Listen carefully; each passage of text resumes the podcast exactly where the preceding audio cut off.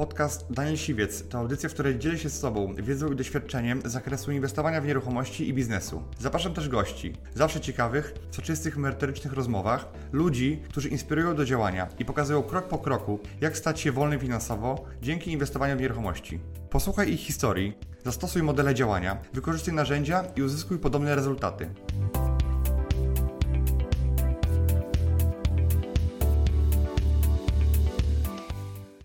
Cześć, moim dzisiejszym gościem jest Krzysztof Rzepkowski. Dzień dobry, nazywam się Krzysztof Rzepkowski.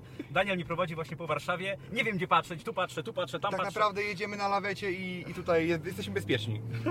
E, Na, naszym gościem jest Krzysztof e, i z Krzysztofem będziemy rozmawiali e, między innymi o negocjacjach, o pracy z pośrednikiem nieruchomości, ale i o tym, jak odnaleźć się w relacji z klientem, z którym negocjujemy, z klientem, którym, od którego coś kupujemy, ale też z pośrednikiem, tak? Bo, bo Krzysztof jest ekspertem od tego, żeby wejść w czyjeś buty, po prostu. Cóż za piękne słowo, tak. Tak, no ja jestem pośrednikiem, byłem, bo cały czas pracuję jeszcze w nieruchomościach, także jestem doradcą do spraw nieruchomości, jestem trenerem sprzedaży, no i faktycznie w buty klienta wchodzę często, bo prowadzę taki blog na e, e, Facebooku, który nazywa się Buty Klienta, także też tam możecie zerknąć, tam różne fajne rzeczy ponoć piszę, ale to Wam oceniać. Tak. I obiło mi się o uszy, że jesteś doktorem habilitowanym. Dobrze? Tak mówią. Tak mówią? To nie było kupione na targu, wyobraź Nie? sobie nawet. Wyjątkowo nie wszystko ma. Wiesz, chyba to można też kupić. Tak, jestem doktorem habilitowanym nauk humanistycznych Uniwersytetu Warszawskiego. Powiedz, po co ci ten doktorat tak, tak naprawdę? Czy ty go zrobiłeś już jak byłeś w nieruchomościach, czy, E, czy, czy w Doktorat trakcie? zrobiłem najpierw, nim byłem w nieruchomościach, potem trafiłem do nieruchomości. E, Impuls był bardzo prosty, no, jakby do nieruchomości człowiek trafia, czy w ogóle do sprzedaży, przez przypadek. Nie wiem, czy znasz kogoś, kto w dzieciństwie marzył o tym, że nie wiem, będąc w liceum, kurczę, jak to byłoby pięknie być sprzedawcą, wiesz, chodzić po ludziach i sprzedawać chałupy. Od drzwi do drzwi. Tak, robić homestagingi toalet na przykład, wiesz, takie marzenie życia większości młodych ludzi.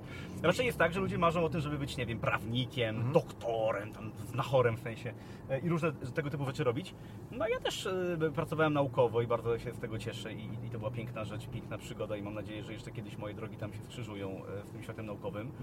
E, Natomiast e, no, impuls się pojawił wtedy, kiedy pojawił się potomek, e, dokładnie potomkini Mhm. i też potrzeba większych pieniędzy. No i tak trafiłem do sprzedaży, a potem to się rozwijało, rozwijało i, i ze sprzedaży szedłem dalej zostałem menadżerem i trenerem sprzedaży. No i, Mhm. i tak sobie żyję. Okej, to e, jak uważasz, że co jest najważniejsze w sprzedaży? Co, jak, jaka, jaka rzecz, jaka umiejętność, jakby... E, no, co jest takie najważniejsze, jakbyś miał to w jednym zdaniu? Ja e, mogę Ci jednym słowem odpowiedzieć. na No właśnie. Najważniejsze jest zaufanie, Mhm. Dlaczego? bo bez zaufania nie ma nic sprzedaży. To jest najważniejszy element. Ludzie kupują od tych, których lubią i od tych, Mhm. którym ufają. Wiesz, że taki prosty przykład zawsze podaję. Wyobraź sobie, że masz, nie wiem, brudne okna. Mhm. A święto, albo teściowa przyjeżdża, jeszcze gorzej. Mhm. Przyjeżdżasz i masz brudne okna i ci się cholernie nie chce, czyli jest ból, tak? Masz potrzebę. I nagle dzwoni do drzwi no, sprzedawca, mówi, dzień dobry, nazywam się Krzysztof Rzepkowski, wie pan, myję okna tutaj w okolicy, D- 20 zł za okno. No, Myślisz sobie, Boże, ten człowiek nic nie ma spadł, prawda? Wszystko jest pięknie, mam ból, jest potrzeba, jest rozwiązanie za niewielkie pieniądze. Mówisz, zapraszam. No i Krzysztof Rzepkowski przekracza próg, a ty patrzysz na niego i tak widzisz, że on pod okiem ma taką jedną dziarkę, taką niewinną kropeczkę, wiesz, gdzieś tam Tylko rok, tylko rok. Tak, właśnie, tylko tyle. I to jest wszystko. I w tym momencie mówisz, tak, wie pan akurat muszę wyjść, także proszę wybaczyć, może następnym razem. I nie ma sprzedaży. Bo czemu? Bo nie było zaufania. Była potrzeba, było ból, było wszystko, była relacja, on był miły i sympatyczny. Ale cały element zaufania runął nagle po jednym elemencie. Jest takie fajne hasło w sprzedaży, wiesz, które mówi, liczy się wszystko. Mhm. Czyli może być element Twojego ubioru, element Twojego, nie wiem, sposobu mówienia, jedno słowo i pewnie każdemu z Was, jak zajmujecie się sprzedażą, zdarzyło się coś takiego, że już byłeś w ogródku, już witałeś się z gąską, już myślałeś, kurna, jest deal Tak. I nagle powiedziałeś jedno słowo, za dużo. Albo nawet nie wiesz o tym, że jej powiedziałeś. Nawet tak, i dopiero potem może gdzieś, albo nawet nie wiesz, albo coś w Twoim ubraniu było nie tak, w Twoim zachowaniu, odebrałeś telefon, nie tak się odezwałeś do żony, cokolwiek. Tak. I sprzedaż pada. Więc dla mnie masz odpowiedź bardzo prostą, ale- zaufanie. Zaufanie, ale pytanie, czy, zau, czy z samym zaufaniem, bez tego wszystkiego da się robić sprzedaż, bo, bo jakbym e, ja się skupił tylko na jednym i tylko cisnął to zaufanie i teraz budował jakieś... E, e, budował jakby historię w, oparciu o, to zaufanie, albo jakby starał się to zaufanie e, zdobyć, to no, nawet, jaki, nawet jaki będę miał, a nie będę miał zaspokajania potrzeb, to pytanie, czy, czy to jest tak naprawdę najważniejsze. Wiesz, co potrzeby można umieć wygenerować, to jest inny element, ale zgadzam się z tobą, że zaufanie nie wystarczy, bo możesz mieć genialne zaufanie, ale nie potrafić sprzedawać. Tylko, że zaufanie jest warunkiem wstępnym. Czyli najpierw buduj relację. Zbuduj relację opartą na szczerości, partnerstwie, na zaufaniu, a potem tak naprawdę zacznij sprzedawać. Natomiast większość sprzedawców robi odwrotnie. Zobacz, ludzie do nas dzwonią i na dzień dobry w ogóle, wiesz, bez żadnego, kurczę, e, próby nawiązania relacji mówią dzień dobry, tu mówi Daniel Siwiec, dzwonię z banku PKO SA. Może jest pan zainteresowany nową kartą kredytową? Jakby od razu ci próbują coś Tak. sprzedać, w ogóle bez jakiegokolwiek próby nawiązania relacji. oni pytają, czy ja nie potrzebuję jakichś pieniędzy. Oczywiście, a jak nie, to może matka, a może babcia, wie pan, bo mam taką kartę, pakiet familia, nie? Okej, ale teraz to jak, jak byś doradził, żeby ktoś zaczął budować e, to zaufanie? Znaczy jak, jakimi narzędziami, czy jakimi e, zwrotami, czy jak można by było e, od tego zacząć? Widzisz, bo to jest tak, że jakby wiele osób tak chciało i tak często do mnie ludzie przychodzą, mówią, słuchaj Krzysiek, gdybyś tak mi mógł tak w 3 minuty, wiesz, bo ja nie mam dużo czasu, tak w 3 minuty taką receptę, wiesz, co zrobić, żeby ludzie mnie kupowali, nie? No, słuchaj, myślę, że taką umiejętność bym miał, to nie dość, że Nagroda Nobla, w ogóle w dziedzinach wszystkich, to e, no, najbogatszy człowiek na świecie, nie? Okej, do- dobra. Bez wątpienia. W każdym razie tak, no jest 5 to... minut, 5 minut. Słuchaj, no to ja odpowiedziałem bardzo prosto, już reklamowałem mój blog, no to się nazywa Buty Klienta. To jest, to jest, ale nie mówię, że to czytać tylko i wyłącznie, ale to jest najprostsza odpowiedź. To Henry Ford powiedział kiedyś, znany człowiek, zresztą jakby nie on, to byśmy pewnie nadal na koniach jeździli teraz i byś takiego live'a z koni kręcił, a nie z dyliżansu, wiesz, a nie z samochodu. E, więc chociaż nie jedziemy Fordem, żeby, żeby było jasne, żeby Daniel potem nie kurde, nie powiedział, że Ford Tak naprawdę jest Ford z naklejką Porsche. Tylko z naklejką tak. Więc e, to Henry Ford powiedział, że e, sekret sukcesu leży w takiej umiejętności patrzenia z punktu widzenia innych. Czyli patrzenia na sytuację, oglądu tej sytuacji nie tylko z mojej perspektywy, ale cudzej. I umiejętność budzenia zaufania, czy wzbudzania zaufania polega właśnie na tym, że ja kiedy mam rozmówcę, to po pierwsze traktuję go jako partnera i rozmówcę, ja chcę zrozumieć jego sytuację. Wiesz, ja chcę wejść w jego buty, zobaczyć, jaki on ma problem. Nie budować na siłę mu analiz, teraz wiesz, robić tak naprawdę sprzedaż, czy generować jego potrzeby, tylko zrozumieć jego sytuację, jaki on ma ból Dopasować się. i się do tego dopasować. Wiesz, no ja reprezentuję szkołę Sandlera i myślenia Sandlerowego i tam jest jako naczelne hasło bez bólu nie ma sprzedaży. Mhm. Czyli jeżeli człowiek nie ma bólu, to tak naprawdę ma tylko zachcianki. E, wiesz, jak każdy z nas, pewnie nieraz Ci się zdarzyło, że wchodziłeś do sklepu i e, pooglądać, no w sensie podchodził sprzedawca do Ciebie, a Ty pan, tylko się rozglądam no, i tak dalej, nie? I e, e, tak naprawdę nie miałeś bólu, nie wiem, kupna płaszcza, butów i tak dalej, więc bez tego sprzedaży nie będzie. No więc dopiero umiejętność wejścia w buty tej drugiej osoby, zadawania odpowiednich pytań, odpowiednich pytań, e, pogłębiania tych pytań, zrozumienia jego sytuacji, daje coś takiego, że człowiek się przed Tobą otwiera. Wiesz, sprzedaż to jest psychologia. I to Tak też naprawdę. buduje zaufanie, tak? I to buduje mega zaufanie. Mówię o tym, że to jest psychologia, bo tak naprawdę w sprzedaży istnieje dokładnie coś takiego jak w psychologii. Nie wiem, czy byłeś u psychologa, nie musisz teraz wszystkim o tym mówić. Natomiast e, prędzej czy później każdy z nas trafi do tego psychologa pracując w sprzedaży. E, Więc psycholog ma taką metodę pracy. Przecież to nie, to nie jest tak, że do niego przychodzisz i on ci mówi, no panie Danielu, wujek, dobra rada, jestem, pan zrobisz teraz to, to, to i panu się w życiu poukłada. Nie? Psycholog zaczyna od tego, że e, tak naprawdę z tobą rozmawia, zadaje ci pytania. Najpierw lekkie, delikatne. A jak tam się, co się wydarzyło, co dobrego u pana, co tam w pracy, a jak w domu. I następuje taki moment, że po mniej więcej piątym, dziesiątym pytaniu człowiek czuje się na tyle komfortowo, że ktoś chce go wysłuchać, że się otwiera. Tak. I to się w psychologii nazywa pomyłka freudowska. Czyli nagle zaczynasz mówić coś, o czym w ogóle nie miałeś pierwotnie zamiaru mówić. A więc na przykład... Albo się ale- nigdy nie powiedział. tak, i byś w ogóle nie myślałeś o tym, że to powiesz. Nie, myśl, nie pamiętałeś o tym nawet, nie? I nagle wychodzą, wiesz, sytuacje z dzieciństwa, jakaś trauma, jakieś coś, co tam się wydarzyło. I dokładnie tak samo jest w sprzedaży. Umiejętne zadawanie pytań powoduje, że w którymś momencie twój rozmówca się przed tobą otwiera, widzi w tobie partnera. Jak się otwiera, no to masz dowód, że ci zaufa. I dopiero wtedy jest moment na rozpoczynanie sprzedaży, a nie tak jak większość handlowców, tak jak mówię, skraca to i próbuje najpierw sprzedawać, albo na przykład, nie wiem, buduje swoją relację w oparciu, wiesz, o jakieś takie teksty typu no, by rozpadało się. Znalazł pan miejsce do parkowania? No i tego typu rzeczy. No, koszmar kompletny. Czy uważasz, że mm, sprzedaży się można nauczyć? Czy każdy może być dobrym sprzedawcą? No oczywiście, że tak. Znaczy to jest, wiesz, oczywiście, że tak. No, kiedyś było tak, w dawnych szkołach sprzedaży, że uważano, że to musisz mieć chemię. Że albo się z tym urodziłeś, czyli masz gadane, wiesz, tam Tak. wika, tam błysk Tak. w oku. Tak. No, dzisiaj się uważa, że tak już nie jest. Znaczy szkoła, którą ja reprezentuję, Sandlera, uważa, że każdy może być świetnym sprzedawcą. Co więcej, e, ja uważam, że ci, którzy mają tak zwaną tylko nawijkę, to e, osiągają marne wyniki w sprzedaży. Tak. Dlatego, że oni trafiają do pewnej ludzi, grupy ludzi, natomiast oni nie potrafią słuchać. Oni tak naprawdę y, osiągają jakieś rezultaty przez to, że są i mają lekkość w, w mówieniu i lekkość w nawiązaniu relacji, natomiast czasem po prostu strzelają ślepakami. No ja to nazywam właśnie to rzucanie makaronem o ścianę, nie? Mhm. Czyli, że muszę odpowiednio dużą garść makaronu rozgrzanego, takiego ciepłego mieć w łapie, sru o ścianę, a nóż coś się przyklei. I na tym polega taka sprzedaż tradycyjna, czyli wielka skala. Zobacz, co robią ludzie na call center bardzo często. Muszą wykonać 50 pierdyliard telefonów, żeby komuś tą jedną kartę do klubu tam Go Club, nazwijmy go tak, Mhm. sprzedać, nie? E, więc taka sprzedaż jest skuteczna, tylko wymaga cholernie dużej skali. Mhm. I tak naprawdę jak widzę takich sprzedawców, którzy tak działają, to widzę, że oni są zmęczeni tą sprzedażą. Że w takiej sprzedaży, która polega na tych ślepakach, jak ty mówisz, na tym makaronie, o którym ja mówię, to ludzie wy, mogą wytrwać pół roku, rok, dwa lata i, I są to męczy, wypaleni, wypaleni, i są tak. po prostu, wiesz, zestresowani, nagle potem masz kurna spięte mięśnie pleców, nie wiesz skąd, a to właśnie od tej ciągłej napinki. Tej metodologii, w której ja jestem, sandlerowej, no to to jest cały czas oparte na słuchaniu drugiej strony, no, na zadawaniu pytań, na zrozumieniu jego sytuacji. I teraz właśnie tutaj te typy osobowości, które są bardziej skoncentrowane na drugim człowieku, e, w metodologii DISKA to są typy S na przykład, nie? oni są świetnymi słuchaczami.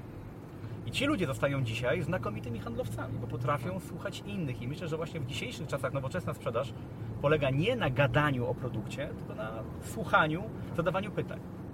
Ale też zadawałem takich pytań, które sugerują. E, wiesz co, e, realiza- dopiero na, Później, jeżeli, pewnym jak, etapie. jak znasz potrzeby tak naprawdę, bo, bo możesz zapytać, o, czy ten produkt w ten sposób zrealizuje tą potrzebę, którą już zdefiniowałeś sobie, to można tak zapytać, tak? Ale dopiero jak już znasz. Tak, natomiast to nie może być zadawanie pytań, wiesz, cały czas tych pytań sugerujących, bo ja od razu wyczuję w drugim Twoim pytaniu sugerującym, typu na przykład, a czy przypadkiem nie potrzebowałby Pan, e, nie wiem, e, nowego, nowego tam smartfona, nie? E, od razu wyczuję chęć sprzedaży. Ludzie działają, jakby e, reagują na sprzedawców agresywnie. Mhm. Jakby jak sprzedawca działa na ludzi jak płachta na byka. Zobacz, niby wchodzisz do sklepu, żeby coś kupić, prawda? No jakby mało kto z nas marnuje czas na zasadzie, kurna, nie mam co robić w niedzielę, pójdę do sklepu. Tylko raczej idziemy coś kupić. Teraz niby wchodzisz do sklepu, żeby coś kupić, a jak do Ciebie podchodzi sprzedawca i mówi, w czym mogę pomóc, Panie Danielu? To mówisz co? A, ja pan tylko tak oglądam, tam wie Pan... Tak. Nie, nie, nie, nie, nie, jak coś będę... Czyli kompletny brak gotowości do w ogóle rozmowy z handlowcem. E, Czemu? No bo my nie lubimy sprzedawców. Nie lubimy ich, bo oni chcą nam coś wcisnąć. Nie lubimy ich, bo oni są profesjonalnie mili. To jest element sprzedawców. Zauważ. Wchodzisz do co drugiej kawiarni w Warszawie i usłyszysz na wejściu Dzień dobry! Ten zaśpiew, ta melodyjność głosu. Okej. Niespotykana. Czy ty dzwonisz do znajomego i mówisz Dzień dobry? A potem, kiedy wychodzisz i próbujesz wyjść po angielsku niezauważony, to jest do widzenia. Kochamy cię, wróć do nas. I to jest, wiesz, ludzie nie lubią sprzedawców, bo już po tonie głosu poznają. Ty rozpoznajesz, słuchaj, handlowca po telefonie. Dzwoni, nie dość, że wiesz, no Tak. stacjonarny się wyświetla, to już jest pierwszy sygnał ostrzegawczy, bo jak Tak. stacjonarny albo policja, wiesz, albo, hand, albo handlowiec, albo komornik. E, albo, e, jak nie po, tonie, po tym, po telefonie, to po tonie głosu. Czyli odbierasz telefon i słyszysz, dzień dobry, panie Danielu. Miły i sympatyczny do pożygania, Że, żeby, żeby to jeszcze był miły i sympatyczny. Czasem dzwonią automaty. E, automaty jakby z, już czuję, że jakby dzwoni do mnie syntezator. No a jakbyś się czuł, gdybyś miał dziennie wykonać 150 telefonów, wiesz, i każdy ci mówi spadaj na bambus, no to ja, słuchajcie, żartujemy sobie, ale jestem zawsze pełen podziwu dla handlowców, którzy pracują door to door, sam tak pracowałem, dla tych, którzy pracują na słuchawce, e, dla tych, którzy pracują na przykład nawet, słuchajcie, chodzą na ulicach i robią ankiety. Tak. Życie nie musi tak wyglądać. Możesz użyć narzędzi Krzysztofa i, i, i sprzedawać inaczej. prawda? Od Tak. no ale robi to za mnie, tak że mogę mu to pozwolić. Mam od tego ludzi. Numer telefonu 9 zik, zik, zik, wyświetla się na dole. Tak jak w każdej telewizji niemieckiej zawsze było, prawda? Te numery telefonów tam, 7, Nie wiem, co oglądałeś? Ziben, ziben, ziben. Ja nie miałem kablówki. Każde narzędzie, jak wiesz, w sprzedaży można wykorzystać Na obie e, strony. na, na obie strony. Każdy miecz jest obosieczny, nie? I młotek jest służy do ogólnie do wbijania gwoździ, ale jak wiadomo, parę osób zamordowano w ten sposób. E, I tak samo jest z narzędziami sprzedażowymi. No, to, to, to. Ja zawsze podkreślam tą etykę jakiegoś poczucie moralności, sumienności w byciu sprzedawcą, nie? Że, że tutaj jako sprzedawca masz narzędzia, masz umiejętności. Gdybyś chciał, to dzięki retoryce słowu, które jest najpotężniejszą bronią człowieka, możesz tak naprawdę nakłonić innych do tego, żeby kupili coś, co będzie wbrew ich interesom. Tylko, że ja tak zawsze po- powtarzam ludziom, że pomijając już Twoją etykę, bo każdy ma swoją własną nie? I, Twoje sumienie, to w dzisiejszych czasach, tak mówiąc w ogóle wprost, kompletnie się nie opłaca być nieuczciwym. To, wiesz, to jakkolwiek by to nie zabrzmiało głupio, to e, skala tak naprawdę dzisiaj e, e, jakby szerzenia się informacji, dystrybucji informacji jest To taka, są sekundy. to są sekundy. No, kiedyś narobiłeś syfu, to tak naprawdę dowiedziało się o tym 20 osób. Tak patrząc na siatkę. Dzisiaj w ciągu ułamka sekundy dowiadują się o tym tysiące. Tak, i na, na całym świecie jeszcze. I na całym świecie, nie? Tak. I jedną firmę można położyć przez jednego jakby nieuczciwego pracownika. Bo, bo akurat trafi na kogoś, kto będzie zawzięty do odpowiedniej posty w odpowiednich grupach e, i się nie wytłumaczysz z tego. Mhm. Już, po prostu, nie? Więc e, tak, to są narzędzia dla, dla tych, którzy chcą je dobrze wykorzystywać, nie? Liczymy, że oglądają to uczciwi ludzie i, i A jak wykorzystują- nie, Tak, to macie ostatnią szansę, żeby to- zejść na drogę uczciwości. Tak, to to ten kanał zostanie Tym, tak. Tym bardziej, że. zabrany. Tak, ale mówiąc, mówiąc jeszcze tak wiesz poważnie, to, to e, uważam, że najważniejszym elementem, który masz do zrobienia w sprzedaży jest budowanie siatki ambasadorów.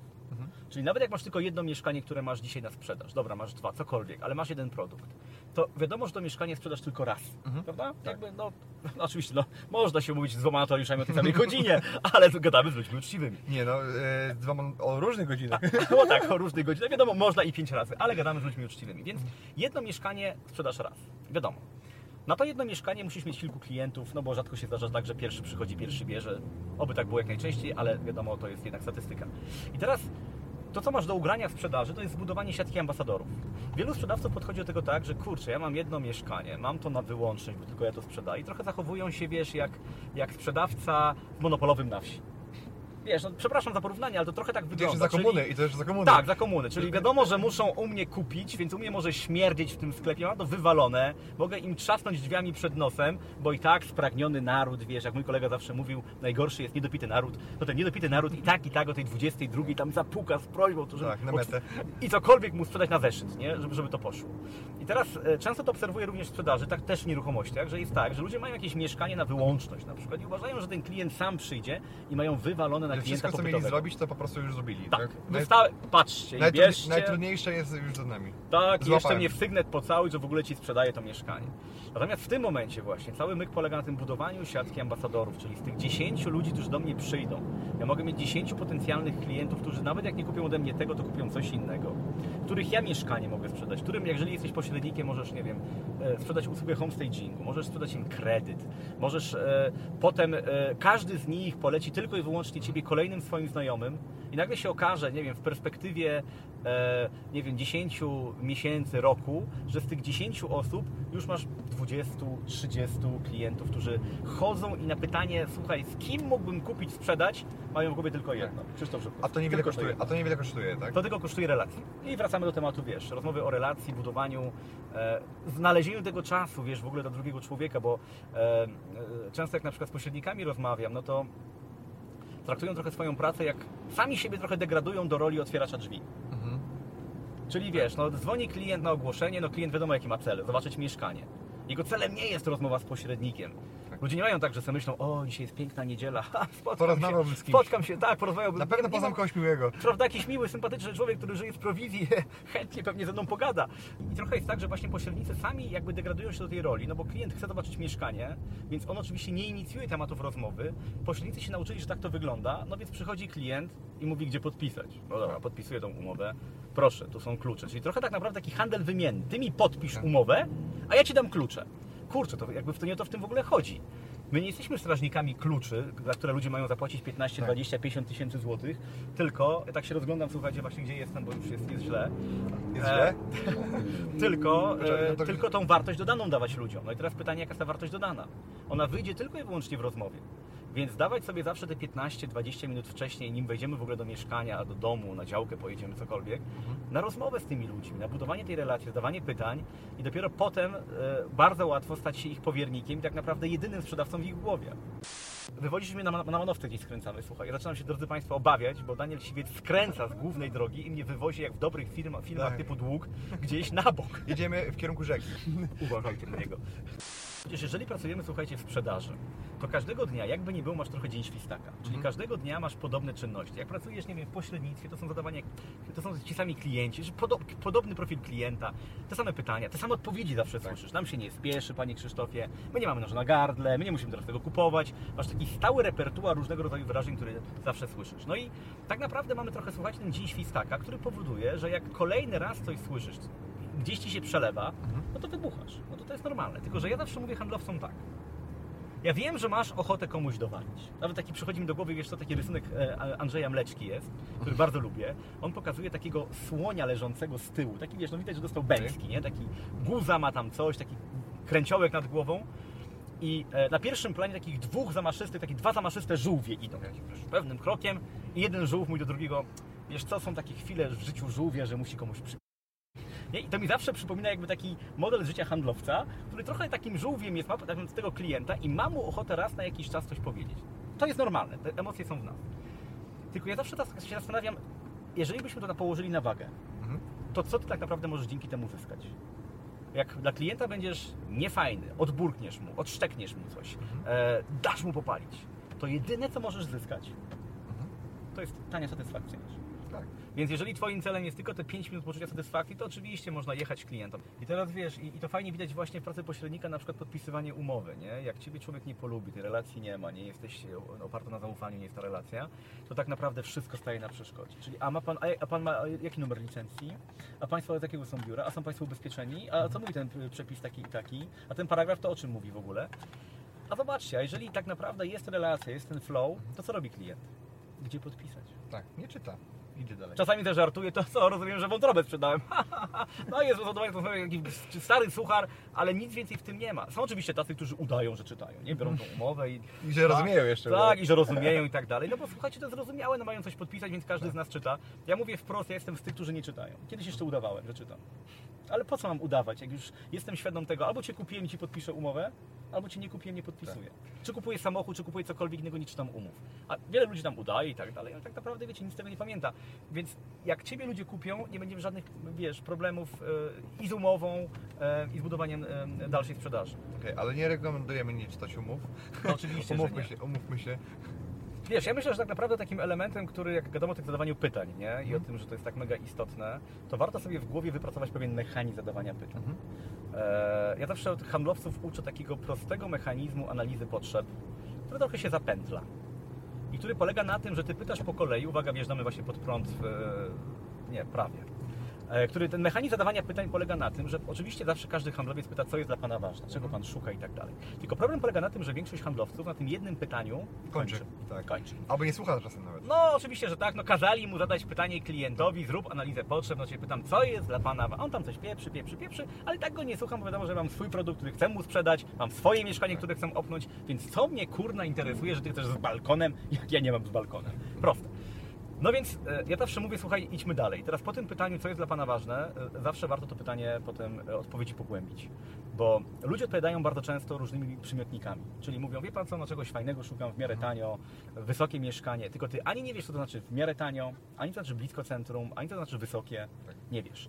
Więc drugie pytanie w analizie potrzeb zawsze powinno brzmieć, a co Pan dokładnie rozumie przez? Tak, doprecyzować. doprecyzować. A co to dla Pana oznacza wysokie mieszkanie? Czy nie wiem, dla Pana wysokie mieszkanie to są takie 2,70 jak są w nowym budownictwie, teraz najczęściej, nie wiem, 2,90 jak są w kamienicach często, czy nawet coś jeszcze innego, nie wiem, powyżej 3. I okej, to może być mega i słuchajcie istotne e, dla tych ludzi, no bo nie, do, dopiero wtedy dojdziemy do prawdziwych być może powodów. Ale właśnie. Często jest tak, że po tym pytaniu pogłębiającym, no ludzie ci powiedzą, wie pan co, no tak 2,90 szukam. I teraz ja po odpowiedzi e, Twojej, że Ty szukasz, nie wiem, 2,90 czy 3 metry mieszkania, ja cały czas nie wiem, czy to jest Twoja fanaberia, czy faktyczna potrzeba. Mhm. Okej? No bo to może być tak, że Daniel sobie wymyślił, kurna, teraz będę mieszkał, wiesz, w wysokim mieszkaniu, 3 metry. Mhm. E, I teraz pytanie, czy to jest dla niego istotne, O nie. motywację, tak? Tak, Teraz- i teraz trzecie pytanie dotyczy motywacji. A dlaczego, jeżeli mogę zapytać Panie Danielu, to jest dla Pana ważne? I dopiero to trzecie pytanie daje nam odpowiedź typu, wie Pan, no tak sobie myślałem, fajnie by było, czyli motywacja zerowa. Albo, no wie Pan co, Marzyłem taką- o tym od dziecka. E, to już może być silniejsze. Wychowywałem się w takim domu. Wychowywałem się w kamienicy, wie pan, ten i mam ten. Ale może być na przykład, wie pan co, no mam szafę gdańską po dziadkach. Ona ma 2,90 wysokości. To jest mebel rodzinny, czyli sentymentalne związki. No nie wyobrażam sobie bez niego. I nagle się, wiesz, okazało w mojej pracy, że tego typu pytania pogłębiające i pytanie dlaczego dawały mi faktyczną, prosto może być, intencję tych ludzi, ale też pokazywały, jaki mają ból. Dajmy na to, pytasz ludzi, daj, nie wiem, e, co jest dla Państwa ważne. Oni mówią, no wie Pan co, fajnie, żeby była piwnica. Spora. A ja mówię, no a co Państwo rozumieją, żeby była spora? No wie Pan, no tak z 6 metrów, żeby co najmniej miała. A jeżeli mogę zapytać, czemu akurat 6 metrów? No bo wie Pan, ja mam troje dzieci, mam wózki, mam e, rowerki. E, no co ja z tym wszystkim zrobię? Na balkonie będę trzymał? I nagle się okazuje, pytam, a jak wygląda sytuacja dzisiaj? No dzisiaj to wie Pan, no mamy to wszystko w przedpokoju i nagle widzę ból tych ludzi i wiem już teraz, że elementem, który będzie może nie decydującym, ale takim, wiecie, przyciskiem czerwonym w tej sprzedaży, będzie piwnica. Że jak będę miał nawet ciut mniejsze mieszkanie od tego, którego szukają, ale będę droższe. nawet droższe, ale będą mieli piwnicę, która ma 10 czy 15 metrów, do której powkładają swoje wszystkie wózki i wszystkie klamoty, które mi się zawalają przestrzeń, to wtedy tak naprawdę to będzie element, na który oni to mieszkanie mogą kupić. Krzysztof, dzięki Ci w takim razie, że byłeś tutaj ze mną. Że Przeżyłem, drodzy Państwo, Przeżyłeś. dojechałem do końca, to nie było łatwe z Danielem Siwcym objechać Warszawę. Było, ale było parę razy niebezpiecznie. były tunele, ja Tak. się czułem jak na filmie Dług, naprawdę, ale dojecha... jeszcze nie wiem, bo być może teraz dopiero jak wiecie, wyłączy kamerę, to się zacznie. Trzymajcie kciuki w Okej. takim razie. Dziękuję Ci, że wysłuchałeś do końca. Jeśli ten podcast był dla Ciebie interesujący, zapraszam do słuchania kolejnych odcinków. A jeśli chcesz jako pierwszy otrzymywać powiadomienia o nowych odcinkach, subskrybuj mój podcast.